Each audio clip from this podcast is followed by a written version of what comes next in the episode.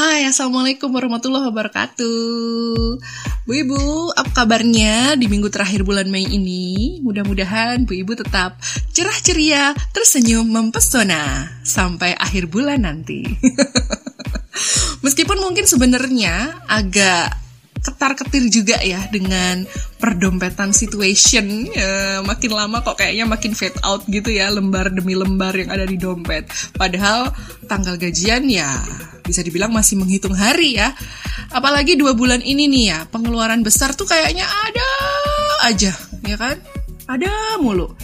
Ya untuk kebutuhan lebaran terus uh, mudik terus liburan bayar tagihan-tagihan berjalan plus buat hmm, beli tiket Coldplay barangkali.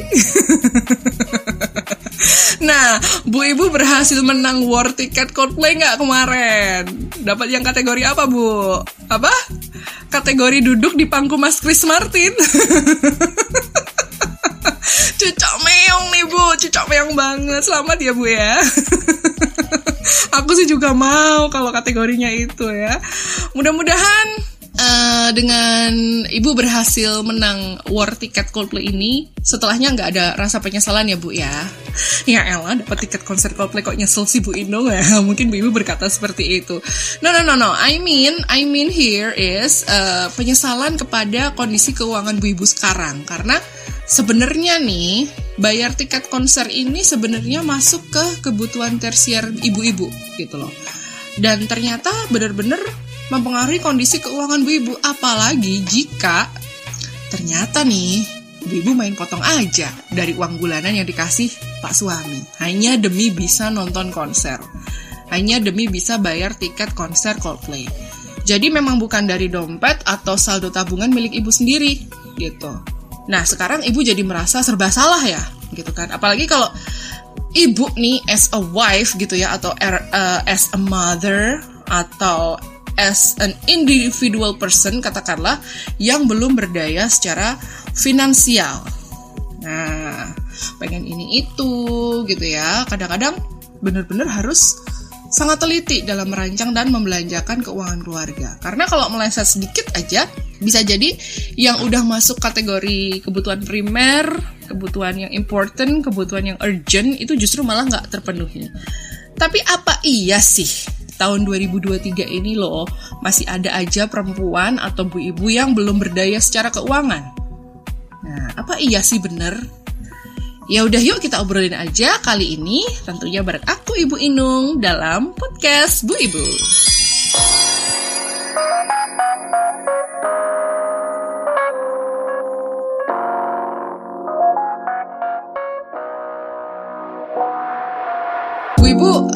Kegiatan pengelolaan keuangan itu beberapa tahun terakhir ini menarik sekali menjadi topik yang ditelaah lebih dalam oleh pemerintah ataupun ya semua kalangan lah, ya semua masyarakat gitu kan. Pengelolaan keuangan atau financial management itu adalah proses merencanakan, mengelola, mengendalikan, serta segala hal yang nantinya uh, bisa membantu seseorang itu dalam mencapai tujuan finansialnya. Nah, dalam rangka mengelola atau mengatur keuangan uh, itu sendiri, setiap orang tuh pasti punya caranya masing-masing ya untuk mencapai hal-hal yang diinginkan. Caranya mungkin dengan uh, bisa mulai dengan menabung, terus bikin rincian pengeluaran, jadi pencatatan keuangan sehari-hari gitu. Terus juga bisa juga dengan cara mempersiapkan dana darurat, dengan cara menyisihkan dana pensiun gitu. Ada juga yang dengan cara berinvestasi untuk uh, tujuan jangka panjang atau jangka pendek gitu ya. Dan ada juga yang dengan cara benar-benar berusaha semaksimal mungkin, sebaik mungkin untuk menghindari utang gitu ya. Menghindari utang, menghindari riba juga gitu. Dan masih banyak lagi. Tiap-tiap orang tuh berbeda. Bu Ibu mungkin juga caranya beda lagi. Bu Ibu mungkin juga pernah dengar ungkapan bahwa perempuan adalah menteri keuangan dalam rumah tangga gitu kan. Meskipun sebenarnya aku yakin juga eh, laki-laki, uh, para pria itu juga mampu berperan sebagai pengelola keuangan, tapi yang namanya perempuan itu selalu uh, mendapatkan sebuah stigma yang lebih kuat karena dianggap cocok buat melakukan hal-hal yang berhubungan dengan uh, manajerial keuangan kayak gitu. But pertanyaannya adalah, is it true? Bener nggak sih bahwa perempuan itu adalah manajer keuangan dalam rumah tangga? Bener nggak? Nah, kenapa kok aku malah justru bertanya seperti ini gitu kan? Karena menurutku masih ada aja perempuan atau bu-ibu lah ya yang punya uh, financial literation issue. Jadi punya masalah dalam literasi keuangan gitu. Punya keterbatasan pengetahuan tentang how to manage money gitu ya. Apalagi manage keuangan keluarga. Nah, dalam melakukan kegiatan yang berhubungan sama keuangan, biasanya nih, rata-rata perempuan itu ada yang merasa sangat percaya diri, ada yang merasa kurang percaya diri, sehingga kadang malah nggak pengen mendekati hal-hal yang berhubungan dengan resiko keuangan gitu kan. Perempuan itu lebih banyak mengambil keputusan secara uh, intuitif gitu loh berdasarkan penafsiran yang mereka lakukan dan uh, lebih banyak menggunakan sisi emosinya. Misalnya nih, contoh perempuan ketika merasa pegang uang banyak, dia merasa berhak buat membelanjakannya secara over dibandingkan hari-hari yang reguler gitu kan. Atau pada saat-saat tertentu perempuan itu menjadi seorang yang apa ya emotional buyers gitu kan. Yang melakukan compulsive buying gitu kan. Dikarenakan lapar mata saat di mall misalnya. Jadi apa-apa yang menurut mata mereka bagus menurut penglihatan mereka oke okay, keren cute kiowo cantik mewah elegan glamour luxurious mereka beli kayak gitu. Nah, di Indonesia dan negara dengan sistem patriarki yang cukup kental lainnya gitu kan, terutama di negara kita sendiri, untuk para wanita yang sudah bersuami, tentunya keputusan keuangan ini akan lebih condong melibatkan suami dalam penentu kebijakan bagaimana uang itu akan dikelola dalam keluarga, terutama bagi wanita atau buat istri yang tidak berpendapatan tetap, gitu kan. Nah, potensi masalah keuangan ini ternyata juga bisa terjadi kalau seorang perempuan itu nggak bekerja, ya, alias banyak yang mengkategorikan sebagai full time mom atau stay at home mom, sehingga hanya mengandalkan laki-laki atau suaminya itu sebagai sumber pendapatan utama dalam keluarga. Nah, hal ini ternyata punya akibat loh ya. Akibatnya apa? Perempuan itu punya akses yang sangat terbatas untuk mengelola uangnya sendiri gitu kan. Nah, karena penghasilannya terbatas, akhirnya perempuan ini merasa uh, tidak mampu untuk mengelola uang itu gitu kan. Dan ini menjadi hambatan terbesar perempuan untuk kemudian memanage uh, keuangan itu harus diapakan. Harus diputar seperti apa, harus dibelanjakan seperti apa, harus ditabung seperti apa, apakah harus punya asuransi, apakah harus berinvestasi, ataukah harus bagaimana dengan uang itu. Nah, ngomongin perduitan dalam rumah tangga itu emang gak ada habisnya ya, ya Bu ya banyak yang menyarankan bu ibu itu harus berdaya keuangan, harus berdaya secara finansial supaya biar bisa lebih mandiri gitu. Banyak sekali yang ngomong seperti itu. Pemerintah, masyarakat, banyak sekali. Namun e, bisa dibilang nggak sedikit juga. In real life, in the real life masih banyak bu ibu yang belum mencapai keberdayaan itu karena banyak sekali faktornya. Nah, kira-kira berdaya yang seperti apa sih seharusnya tuh? Yang bagaimana yang harus dilakukan seorang ibu atau seorang istri untuk bisa berdaya secara finansial. Gimana sebaiknya supaya ibu-ibu itu berdaya? Nah, kali ini Ibu Inung akan ngobrol-ngobrol santai bareng salah seorang ibu juga. Namanya adalah Ibu Erma Ashar. Ibu dua anak yang juga merupakan ASN di Suku Dinas Tenaga Kerja Transmigrasi dan Energi Jakarta Utara yang merupakan staf penempatan, pelatihan, dan produktivitas, serta saat ini sedang menjalani tugas belajar di Magister Ilmu Hukum Fakultas Hukum Universitas Indonesia. Kita sapa-sapa yuk. Uh, apa kabar Ibu Erma? Halo, baik. Cuman agak sedih dikit kalah war ya. Oh. Nggak bisa move on. Gimana Ibu Inung? Sehat? Alhamdulillah sehat dan uh, ceria. Semoga Bu Erma juga jadi ceria ya hari ini ya setelah ketemu Ibu Inung. Mudah-mudahan cerianya bertahan sampai akhir bulan ya Sampai Bu, ya. gajian ya, tanggal 1 ya. Uh, uh, soalnya sekarang udah di minggu terakhir bulan Mei. Agak Mulai tercekik ya. Aduh, aduh, aduh. Lihat-lihat lembaran-lembaran rupiah di dompet sama saldo di ATM gitu. Bener receh-receh udah mulai sayang nih dikumpul-kumpulin lagi. Kalau hmm. awal bulan masih awur-awuran recehnya nggak butuh gitu. Sekarang udah mulai dicari-cari lagi recehnya. Iya.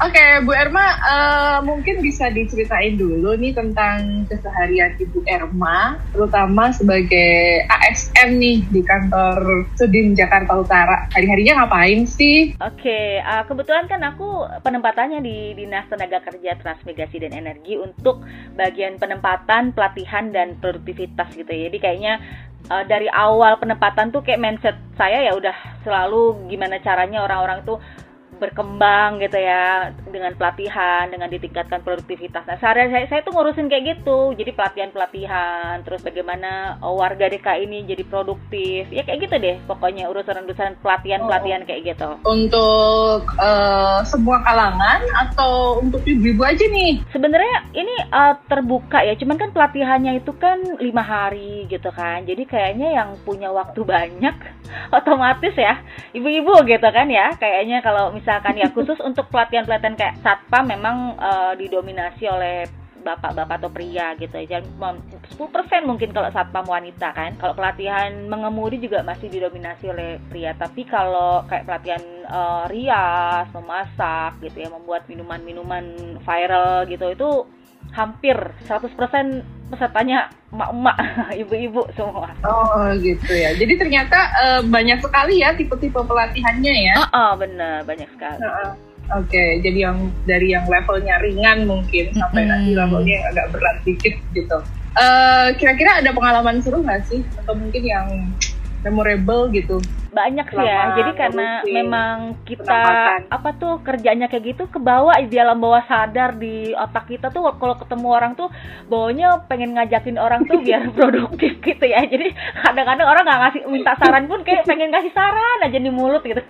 Kayak gitu bawaannya nih Bu Inung. Jadi agak-agak hmm. susah ngerem nih mulut kalau orang cerita cerita apalagi misalkan masalah keuangan ya curhat masalah keuangan. Padahal mungkin hmm. pengennya cuma didengerin. Tapi mulut pasti oh bawahnya pengen kasih saran. Nah ini juga kejadian nih beberapa orang-orang atau warga uh, kan aku di wilayah utara ya jadi khusus untuk warga utara. Nah oh. banyak banget nih yang datang gitu ya ngeluh kesal. Apalagi kemarin pandemi kan ya kayak banyak yang peng PHK segala oh. macam tapi beberapa orang ini emang mentalnya mental blocking gitu. Jadi dikasih seneng ngeluh tapi dikasih saran itu nggak bisa gitu lah. Jadi agak-agak susah juga ya. Kayak contohnya kemarin nih uh, ini sebenarnya mm, relate ya karena sebenarnya teman baik tapi ya akhirnya jadi um, agak-agak gimana. Jadi awalnya tuh karena minjem duit gitu kan karena mm, nggak mm, ada buat beli beras.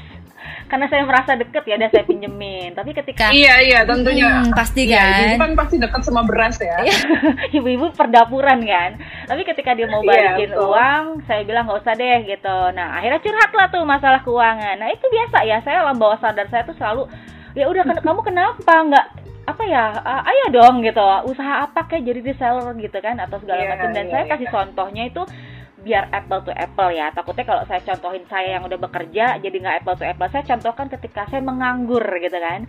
Pas zaman menganggur saya itu jadi reseller dropship.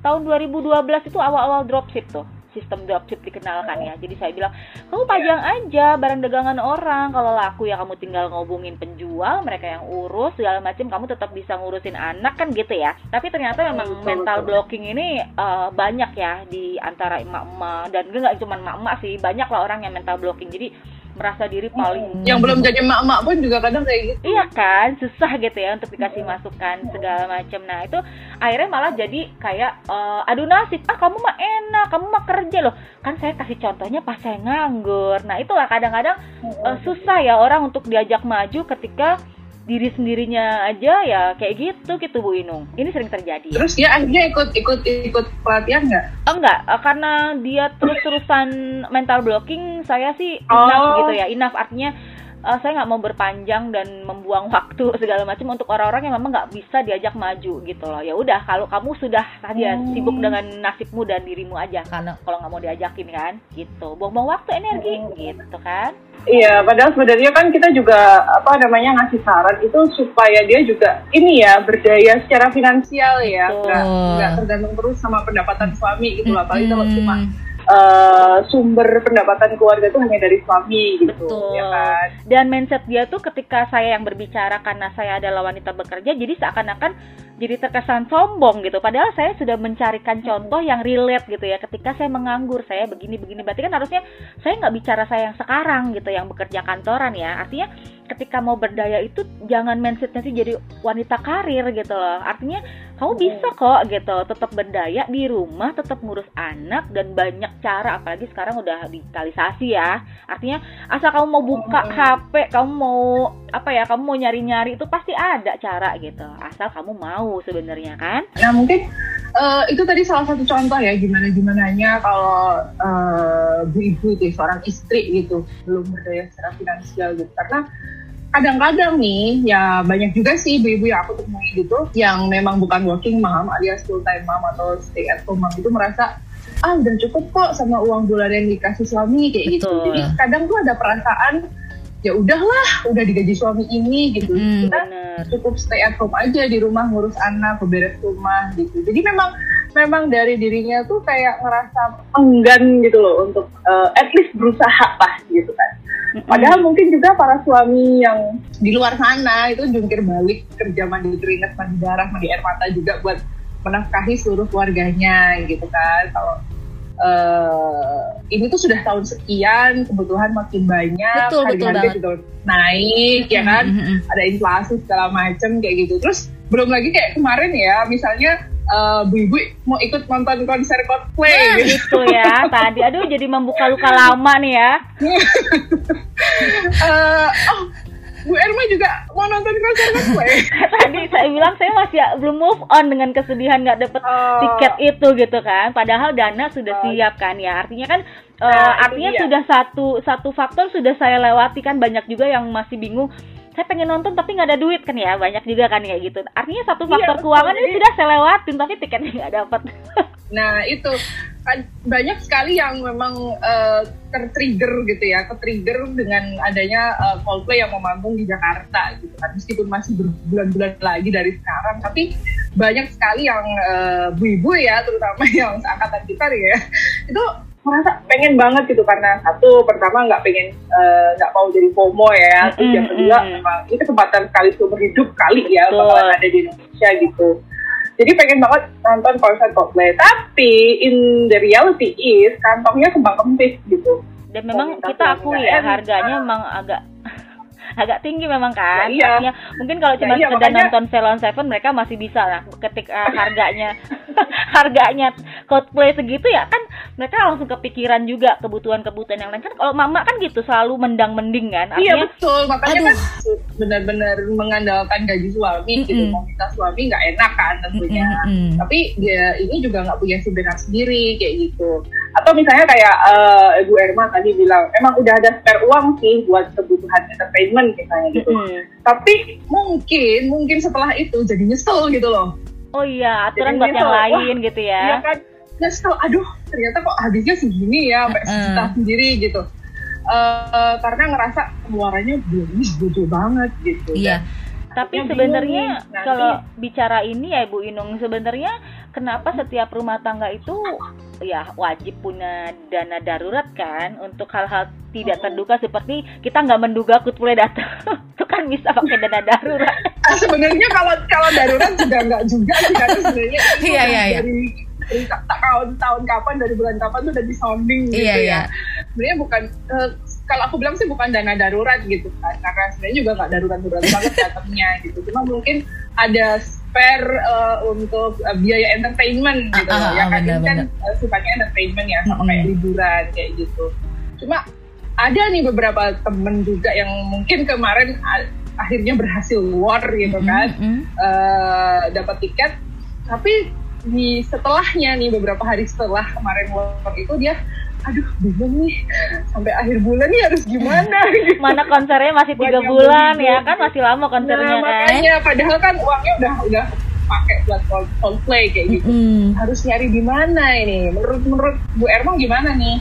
Sebenarnya kalau itulah pentingnya ya. Jadi walaupun even tuh kita sebenarnya mungkin nggak kerja dan tidak punya apa pun sebenarnya kita masih bisa mengolah dana si suami untuk diputar lagi kan sebenarnya bisa. Sekarang udah banyak kayak saham-saham udah banyak banyak lah sebenarnya cara gitu ya. Artinya ketika pun kita semager itu untuk berproduktivitas ya artinya nggak mau usaha nggak mau jualan pokoknya saya nggak mau. Nah sebenarnya kan tetap bisa mengolah itu loh jadi kita cuman menerima contohnya kayak uh, eh, SBN gitu. Kan kita tinggal terima bulanan-bulanan aja. Artinya sebenarnya banyak cara loh. Cuman ibu-ibu kan kalau misalkan dikasih masukan kadang udah blocking dulu gitu. Maksudnya ah, enggak bu saya nggak mau keluar rumah. Ah saya nggak saya nggak bisa pegang HP untuk jualan. Kadang-kadang uh, jadi let respon kan ada juga ya ibu-ibu yang saya nggak bisa jualan online karena saya nggak bisa nggak pegang HP HP saya di anak saya segala macam nah berarti ada cara-cara lain ya itu contohnya mengelola dana dari suami itu gitu loh. Itu kan juga bentuk produktivitas wanita ya. Tapi dengan dengan cara mengelola aja invest dari uang yang dikasih suami itu gimana caranya nih misalkan kayak gitu. Artinya uh, balik lagi sih ya. Jadi kalau saya bilang untuk menjadi produktif untuk menjadi berdaya itu kan memang faktor pertama ya dari diri sendiri kan yang tadi saya bilang. Jadi diri sendiri terbuka dulu untuk itu. Terus yang kedua pastilah support system. Karena banyak sekali kalau misalkan kayak istri itu kan nggak uh, dikasih izin suami. Atau beberapa suami tuh cenderung nggak support. Kayak contohnya lagi ada nih binaan saya ya di kantor. Dia sudah um, membuka karena memang suka masak akhirnya dia ikut uh, pelatihan masak dan mulai usaha catering. Tapi si suami ini kayak bodoh amat gitu loh. Jadi kayak si cewek ini kayak pontang panting sendiri gitu kan. Artinya kan sebenarnya uh, si istri ini sedang berperan untuk bisa mendorong atau mendukung perekonomian keluarga. Seharusnya suami dukung dong gitu dukung maksudnya nggak cuma dengan cara ya ada lah bentuk-bentuk yang lebih real ya kayak misalkan ya saya bantuin ngangkatin ini deh eh, saya bantuin petikin ini kayak atau apa kan ada ya bentuk-bentuk support seperti itu. Jadi si ibu ini tidak merasa bahwa aku lagi bantuin kamu kok kamu nggak bantuin aku sih? Kan gitu ya. Jadi support system ini memang penting juga. Jadi sebelum kita ke arah sana kita harus membuat komitmen-komitmen dulu dong sama pasangan. Kalau misalkan belum nikah ya berarti sama keluarga ya orang tua gitu kan. Bahwa saya mau kayak gini-gini gitu tolong dong disupport. Nah itu baru nah yang ketiga ini memang faktor yang kita tidak bisa kontrol ya. Maksudnya di luar lah di luar di luar kita ya. Contohnya kayak eh, darahnya itu support nggak sih sama uh, entrepreneur? Kalau di Jakarta emang luar biasa ya karena program unggulan kan. Wah, kalau Jakarta kan emang Betul. emang hustle banget ya kehidupannya ya mm-hmm. gitu. Jadi memang harus harus survive. Betul. Dan pemerintah mendukung itu gitu loh. Artinya uh, untuk support uh, entrepreneur tuh nggak cuma dinas saya ya. Dengan adanya kemarin itu di beberapa tahun lalu tuh kan mungkin pernah dengar OKOC ya. One entrepreneur yeah, satu yeah, iya. kecamatan yeah. itu kan. Jadi uh, digaung-gaungkan terus akhirnya setiap tahun itu kita melahirkan banyak entrepreneur karena memang difasilitasi. Tapi kan ada hal-hal yang itu tidak ada di daerah-daerah maksudnya tidak se, se heboh atau sebagus Jakarta kan itu di luar kontrol kita ya. Artinya ada hal-hal kayak gitu lah fasilitas-fasilitas dari pemerintah terus mungkin keterbatasan akses informasi. Karena saya sering denger nih ibu-ibu yang datang ke kantor bu kok saya nggak tahu ya selama ini ada pelatihan di Sudinaker gitu kan. Artinya dia itu terbatas akses, akses informasinya kan gitu. Itu kan juga kadang di luar kita karena memang mungkin kita sehariannya cuman uplek di rumah katakan ya. Jadi tidak ada informasi dari luar. Nah hal-hal kayak gini kan juga berpengaruh sama uh, wanita atau nggak cuma wanita lah. Semua orang yang ingin maju gitu ingin berdaya kan ini juga berpengaruh juga sih Bu Inung. Ya uh, emang sebenarnya ini juga penting ya tadi ya uh, menggarisbawahi support system gitu kan uh, terutama yang kalau kita bicara ibu-ibu terutama yang pasti ada bapak-bapaknya ya ada suaminya hmm. kayak gitu. Nah cuma kadang nih banyak banyak banget teman-temanku ibu-ibu juga nih yang masih mengasosiasikan bahwa untuk bisa berdaya secara finansial itu harus kerja kantoran gitu loh karena di benak mereka itu kerja full time itu pasti akan dapat gaji bulanan uh, mereka masih memikirkan seperti itu masih banyak perancuan dalam berpikir mereka bahwa untuk bisa berdaya itu harus kerja di luar rumah, hmm. harus ninggalin anak, padahal anak masih kecil-kecil misalnya. Hmm, hmm. Dan ketika mereka sudah memikirkan itu, yang ada di pikiran mereka hanya itu, mindsetnya hanya itu aja. Jadi akhirnya ya kemudian apa ya kalau bahasa Jawa itu bocor-bocor gitu loh, mau melangkah selanjutnya. Padahal sebenarnya kan banyak sekali uh, field atau bidang-bidang yang tidak mengharuskan wanita itu harus bekerja kantoran supaya bisa berdaya ya kan? Iya betul Jadi, betul. jualan apa kek dropshipper apa kek saya juga pernah mengalami itu kayak gitu loh. Iya iya iya. Dropshipper apa kek gitu dan sebagainya. Dan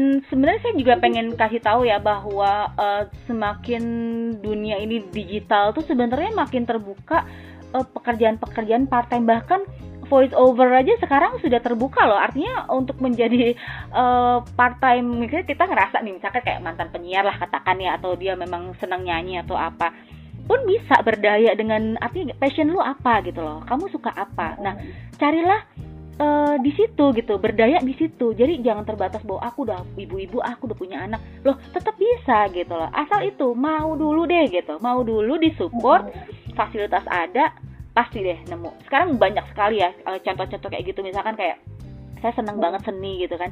Ya udah tinggal bikin usaha yang bikin buket apa buket-buket itu sekarang kan banyak tuh ya buket-buket yang isinya kopi isinya uang. Kan oh, sebenarnya iya kayak hampers kayak nah, gitu hampers ya. something something lah ya kayak gitu lah ya. Hmm. artinya gini kamu harus tahu dulu kamu tuh di mana passionnya. Nah itu nanti kamu apa sih akan nemu pelatihannya akan nemu. Oh oh gini ya untuk meningkatkan lagi oh aku ikut ini ikut ini. Baru kan terbuka. Makanya yang pertama saya bilang faktornya ya kamu mau dulu gitu loh. Kamu harus cari dulu passion kamu di mana kesukaan kamu di mana. Nanti akan terbuka jalan tuh.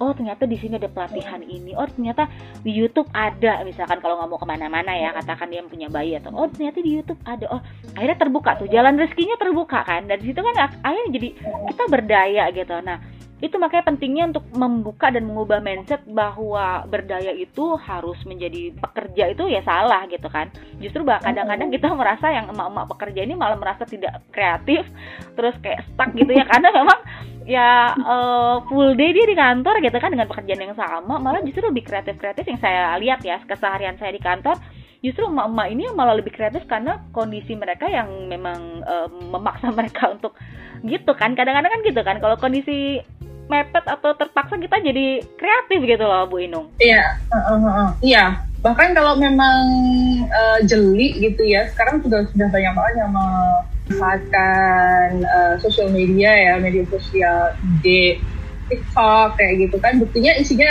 mak-mak semua ya kan? Betul. isinya ibu-ibu semua kan? Nah. gitu. yang sudah mendulang cuan dari itu loh. Hmm. mungkin hanya joget-joget doang atau iya. Ya contohnya kan? aja ya yang simple banget nih. Ada nih tetangga saya. Cuman just tip belanja. Sakingnya itu emak-emak males belanja ke pasar. Just tip belanja loh. Itu kan memang artinya gini uh, apa pun sebenarnya bisa menjadi uh, lahan untuk diolah gitu loh. Ya kan? Jadi uh, ada nih uh, tetangga saya juga ya ikut binaan juga binaan saya. Dia itu usahanya ya cari kontrakan kalau di Jakarta Utara kan banyak mes-mes uh, pelaut ya mes-mes pelaut. Udah aja didatengin dia cuci setrikain. Kenapa? Nggak masalah loh. Maksudnya mencuci dan mensetrika itu kan sudah menjadi salah satu jati diri emak-emak ya yang tidak tidak terpisahkan. Ya, nah, ketika itu bisa menjadi ibu, nah, ya. bisa menjadi uang kenapa enggak? Iya kan? Artinya jangan iya, betul, otak kita tuh kadang mindsetnya udah uh, sempit duluan gitu loh. Padahal banyak banget hmm, cara untuk memberdayakan dengan hal-hal simple yang keseharian pun kita sudah lakukan. Ya contohnya tadi gitu. Jadi uh, kan kalau mes-mes kayak gitu kan juga nggak tiap hari kan. Mereka kan kadang belayar atau apa ya kan sambil kalau ada ada mes datang kita cuciin bisa ditabung bisa jadi dana darurat nonton cosplay misalkan. Balik lagi ke cosplay ya. Tetap belum move on ya kayaknya ya. Nah kayak gitu sih sebenarnya. Jadi yang pertama memang kita harus ngebuka mindset dulu sih membuka diri dan di situ akan ada banyak banget. Kita sadar oh iya ya oh iya ya gitu loh. Tapi ada juga nih Bu Erma ada hal-hal yang kadang tuh membuat uh, ibu-ibu itu nggak bisa berdaya seutuhnya justru karena dari pihak suami sendiri nih mm-hmm. ya ada kan ada tuh yang nggak memperbolehkan si istri kerja mm. ya alasannya bisa macam-macam nih kayak uh, katanya menurut syariat ya istri memang kudu di rumah gitu kan. iya. atau mungkin suaminya sudah pede banget nih bisa mencukupi kebutuhan keluarga atau mm-hmm. mungkin malah ada juga kecemasan dari suami bahwa kalau nanti istrinya kerja istrinya sendiri nanti istrinya gampang aja lah nggak mau diatur lah gitu. Terus ada yang juga mungkin nggak mau disaingi pendapatannya lah gitu ya. Jadi ada hubungannya juga dengan uh, price-nya suami gengsinya suami. Gitu. Iya. Nah, ini ini banyak sekali ya saya temuin terutama uh, kemarin juga maaf ya bukan Sarah tapi um, ibu-ibu yang pakai nikop gitu kan ya. Tapi dia merasa bahwa dia ingin mempunyai peran dalam perekonomian gitu kan. Nah itu saya kenalin tentang uh, belanja apa jualan online. Jadi dia nggak perlu ke mana-mana barang juga dikirim ke rumah dia.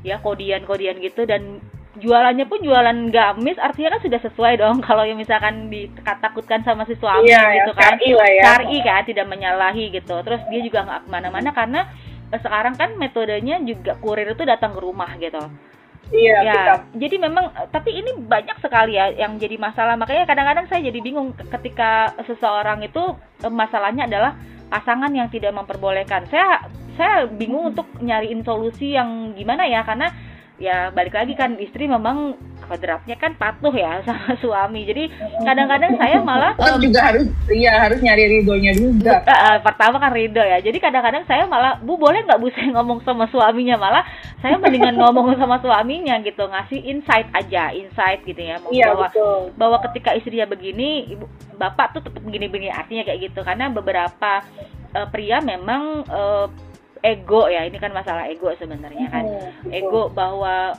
ketika istrinya itu berdaya maka dia sebagai laki-laki itu akan mm, tidak mempunyai peran gimana ya maksudnya kayak berkurang gitu loh perannya dia di keluarga kan kalau hmm. sekarang mungkin wah aku nih yang nyari duit aku nih kayak keakuannya hmm. laki-laki itu loh yeah. ya kan jadi ketika ada sumbangsi dari istri dia merasa ada sisi kelaki-lakiannya yang kayak hilang nah ini yang sering saya kasih um, insight aja sih ke beberapa pria ya bahwa zaman sekarang kebutuhan makin tinggi gitu ya. Ada baiknya kalau misalkan prepare dari sekarang mumpung anak-anak masih kecil istrinya masih sehat masih muda kenapa enggak gitu. Saya sering kayak gitu sih cuman keputusan tetap ke mereka ya. sih ya kan. Hmm, apalagi kalau misalnya nih ya minta ya uh, si bapak ini sebagai uh, sumber utama uh, nafkah keluarga kemudian tiba-tiba harus kembali ke rahmatullah kayak gitu loh. Atau diambil orang gitu ya? Iya kan?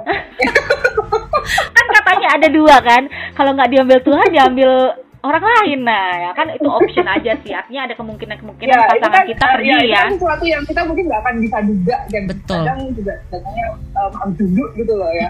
Nah memang perempuan juga harus bersiap dengan adanya itu gitu. Karena yeah. kalau misalnya nggak secara secara finansial nggak disiapkan dari sekarang mm-hmm. kan judulnya kan ya nanti uh, kagok anak-anaknya gitu iya, terus kagok gitu, kan. kan. Ketika dia lama tidak berdaya terus tiba-tiba paksa berdaya kan kagok istilahnya. Kayak misalkan orang lama nggak pegang pingsil terus suruh nulis kan kadang kak, tangan tuh kaku. Nah itu juga yang terjadi karena orang-orang atau wanita-wanita yang terbiasa ada di zona nyaman ya karena suaminya sudah memenuhi atau nggak boleh apalah sama suaminya tiba-tiba suaminya pergi. Nah akhirnya ada semacam uh, transisi dia loading dulu nih. Loading ya untuk kembali dia oh oke okay, uh, eh, aku mau kayak gini kayak gini. Nah itu kan artinya sebenarnya kan hal-hal kayak gitu harus di prepare nggak sih Bu Inung? Iya iya jelas. Sebenarnya itu juga harus di prepare. Dan sebenarnya preparationnya ini juga harusnya bareng-bareng sama si suami ya kan? Nah, misalnya uh, in case uh, in case one day. Kita kan juga nggak tahu ya. Paling nggak kan menyiapkan uh, asuransi jiwa misalnya kayak gitu atau jaminan hari tua misalnya kayak gitu kan juga bisa diobrolin berdua sama suami sama istri gitu loh bahwa ini tuh untuk keperluan nanti misalnya aku udah nggak ada gitu. Iya, benar-benar. Gitu. Nah, sebenarnya uh, fungsi dari uh, pemerintah ini support dengan program-program seperti itu kan sebenarnya mendorong untuk wanita-wanita ini um, berdaya sebenarnya kan. Dengan banyak sekali pelatihan nggak cuma di dinas saya ya. Misalkan dia memang suka pengolahan ikan dia bisa ikut ke dinas uh, perikanan uh, dan kelautan. Di sana dia fokus untuk pengelolaan uh, hasil laut misalkan. Atau misalkan dia apa nih uh, sukanya ke apa ya seni. Nah dia bisa ke dinas pariwisata. Untuk itu sebenarnya. Jadi pemerintah ini sudah sangat melek untuk usaha memberdayakan nggak cuma wanita ya sebenarnya. Cuman memang didominasi karena yang waktunya luang ya wanita-wanita ini kan. Tapi sebenarnya didorong untuk berproduktif gitu loh. Produktivitasnya naik terus dia berdaya gitu. Apalagi dengan sekarang yang kadang-kadang kita nggak bisa duga. Apalagi kemarin ada dugaan mau resesi lah ya kan. Apalagi kemarin pandemi lah segala macam. Sebenarnya pemerintah ini sudah yeah. sangat uh, ada fasilitas ini juga saya garis bawah ya kadang-kadang ya nggak nyampe inilah gitu lah maksudnya pas uh, pemerintah sudah bagus programnya tapi terkadang nyampe ke bawahnya yang kadang saya akuin itu. Betul. Makanya ya, sekarang banyak faktor ya. Iya gitu. Nah hmm. sekarang makanya semua dinas uh, nggak cuma di Jakarta ya seperti kalau kita mau lihat tuh harus punya Instagram kan atau apalah medsos gitu. nah itu iya, usaha ya, untuk memperbaiki ya. itu gitu loh biar tahu bahwa pemerintah tuh punya program. Nah usahanya untuk bisa ke bawah diterima informasinya ya apalagi kalau bukan medsos kan ya gitu. Jadi sekarang hampir semua instansi itu punya itu untuk promo bukan promo sih ya ya mengenalkan lah ini loh kegiatan kita ya untuk ada mensosialisasikan mm, mm, komunikasikan gitu, gitu. mempromosikan mm, kegiatan gitu. artinya bahwa pemerintah sudah memberikan fasilitas terserah warganya nih gitu kan? Uh, satu kalimat atau satu kata-kata yang bisa di share nih buat bu ibu biar lebih melek literasi keuangannya plus punya semangat juang buat jadi penyokong untuk keluarga Uh, Sebenarnya gini ya Bu, terlepas dari apa pun itu kondisinya, entah ibu itu sudah sangat berkecukupan atau kekurangan, tolong jangan membatasi diri gitu. Untuk terus maju, terus berdaya, bukan untuk siapa-siapa sih sebenarnya, untuk kita sendiri ketika kita bisa memanfaatkan apa yang kita punya itu adalah sebuah uh, berkat ya. Kita bisa menjadi berkat buat orang. Intinya itu dia. Intinya jangan terlalu um, panjang atau terlalu mikir jauh cukup bisa bermanfaat buat orang sekitar itu kan sebenarnya sebuah hal yang bagus gitu alhamdulillah kalau apa yang kita lakukan itu juga membantu keuangan suami tapi intinya bahwa dengan kita berdaya itu ya pasti uh, diri kita lah yang pertama akan mendapatkan value itu gitu. Value-nya akan naik dan itu nantinya akan banyak manfaatnya untuk orang sekitar ya keluarga dan orang-orang. Jadi jangan putus oh, semangat jangan membatasi diri banyak sekarang eh, cara-cara gitu ya. Terus mengupgrade diri biar terus jadi wanita yang bermanfaat gitu aja sih. Oke, okay. thank you ya buat ngobrol-ngobrolnya ya Bu Irma ya. Mudah-mudahan okay. nanti banyak bu ibu yang berdaya keuangan demi perekonomian yang lebih baik. Amin. Thank you. Dadah. Well, Bu Ibu, mudah-mudahan obrolan kali ini bisa ngasih insight ya untuk Bu Ibu dan untuk perempuan yang saat ini merencanakan untuk bisa mengelola keuangan dengan lebih baik. Dan Bu Ibu akhirnya nanti juga bisa berdaya finansial untuk kehidupan perekonomian keluarga yang lebih baik. Oh ya, Bu Ibu jangan lupa subscribe dan follow podcast Bu Ibu ini di platform podcast kesayangan Ibu ya, biar selalu update episode yang paling baru.